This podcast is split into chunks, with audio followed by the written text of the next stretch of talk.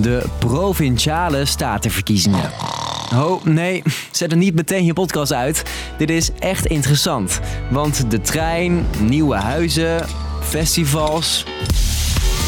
Allemaal dingen waar jij woensdag 15 maart voor kan stemmen.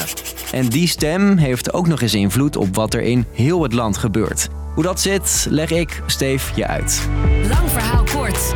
Een podcast van NOS op 3 en 3FM. We moeten het land. Deze mensen, Gewoon een appgroep aan. Ja, ik doe eens normaal, man. die ken je wel. Maar weet je ook wie het in jouw provincie voor het zeggen heeft? Lastig hè? Ik vind dit gewoon echt minachtend. Toch worden best wel veel zaken niet in Den Haag, Ik schors de vergadering even voor een moment. maar in de provincie geregeld. En daar heb jij meer mee te maken dan je denkt, vertelt Ravi Greven, die in Overijssel op de kieslijst staat. De provincie kan bij de gemeente bepalen hoeveel procent van de huisvesting naar bijvoorbeeld studentenhuisvesting moet gaan. De provincie gaat niet alleen over woningen, maar ook over nieuwe wegen en windmolens. En over de vraag hoe vaak bussen en treinen bij jouw halte stoppen. Er zijn ook nog economische zaken, toerisme en cultuur. Want wie bepaalt of dat festival bij jou in de buurt doorgaat? Juist, de provincie. Oké, ze doen dus heel wat. En in de provincie kun je, net als bij alle andere verkiezingen, op politieke partijen stemmen. Sommige ken je al, Stem 15 maart D66. andere doen alleen mee in één provincie. En wil je bouwen aan een nieuw democratisch systeem? Met in maart 2023 kun je stemmen in Gelderland, op ons Gelderland. Die partijen vormen samen de provinciale staten, zeg maar de Tweede Kamer van de provincie. En daaruit wordt een college gekozen, te vergelijken met het kabinet. En het college bepaalt waar het geld van de provincie naartoe gaat en waar de provincie zich vooral mee bezighoudt. Iedere vier jaar wordt daar opnieuw voor gestemd, net als nu. Maar waar je ook kijkt, Bij mij aan tafel de partijleider van D66. Geert Wilders, fijn dat u er bent. Leuk om hier te zijn. je ziet vooral de bekende gezichten. We gaan vanavond een keihard tegengaan met Johan Derksen, Mark Rutte, Hugo de Jonge en Gerard Joling. Ja, maar waarom zie je juist al die bekende mensen uit de Tweede Kamer? Nou, dat heeft weer te maken met de Eerste Kamer. Voor het wetsvoorstel hebben gestemd 40 leden. Geen enkel plannetje uit de Tweede Kamer haalt het zonder goedkeuring van de Eerste Kamer. Dit betekent dat het wetsvoorstel is aanvaard. En die Eerste Kamerleden die worden gekozen door, je verwacht het al, de provinciale statenleden. Het is de belangrijkste reden waarom je zoveel landelijke politici ziet.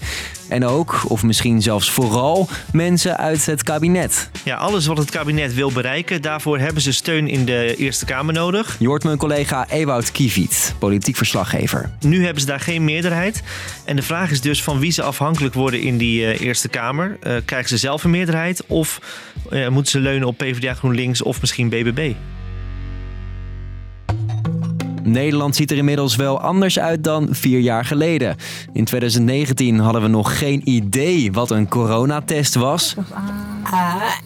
Leerden we deze mensen kennen. Nou, wat goed. En we ruimden massaal ons huis op dankzij Marie Kondo.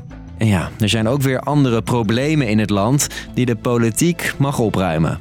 Of sommige problemen zijn nog een stukje groter geworden. Ik ben boos. Ja, ik ben boos op de, op de regering die er nu zit. De boeren en de stikstofcrisis. Een heel belangrijk thema nu, vertelt mijn collega Ewout. Want de provincies bepalen bijvoorbeeld welke boerenbedrijven eh, de uitstoot moeten verminderen. Of misschien zelfs moeten verplaatsen of worden uitgekocht. Dus het maakt heel veel uit of in die provincie bijvoorbeeld D66 heel groot is of BBB.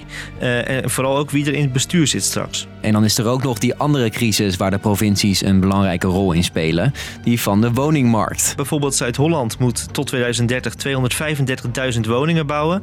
En daar moeten ze dus plekken voor aanwijzen. Op welke plek mogen die huizen komen? En nu is er ook nog die asielcrisis. Het kabinet besloot afgelopen jaar dat alle gemeenten moeten helpen om vluchtelingen op te vangen. Maar daarbij spelen provincies een cruciale rol, want zij beslissen eigenlijk mee eh, hoeveel een gemeente moet doen. Dus de provincie is eigenlijk de toezichthouder voor of die gemeentes wel genoeg doen. Eh, dus daarom eh, spelen die provincies daarbij ook een heel belangrijke rol. Nu weet je waar je voor stemt in de provincie. Oh ja, trouwens, je hebt ook nog de waterschappen. De wat? Het werk dat wij doen is niet zo zichtbaar, maar wel heel erg belangrijk. En dat is een podcast op zich. Gelukkig hebben we er al een video over gemaakt. Check die op het YouTube-kanaal van NOS op 3.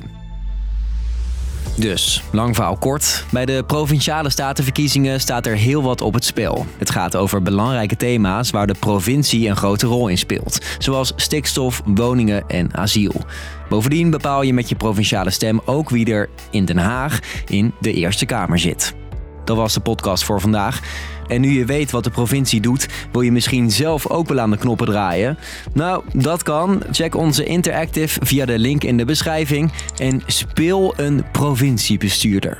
Hoe dan ook, morgen laten wij weer onze stem horen in een nieuwe lang verhaal kort.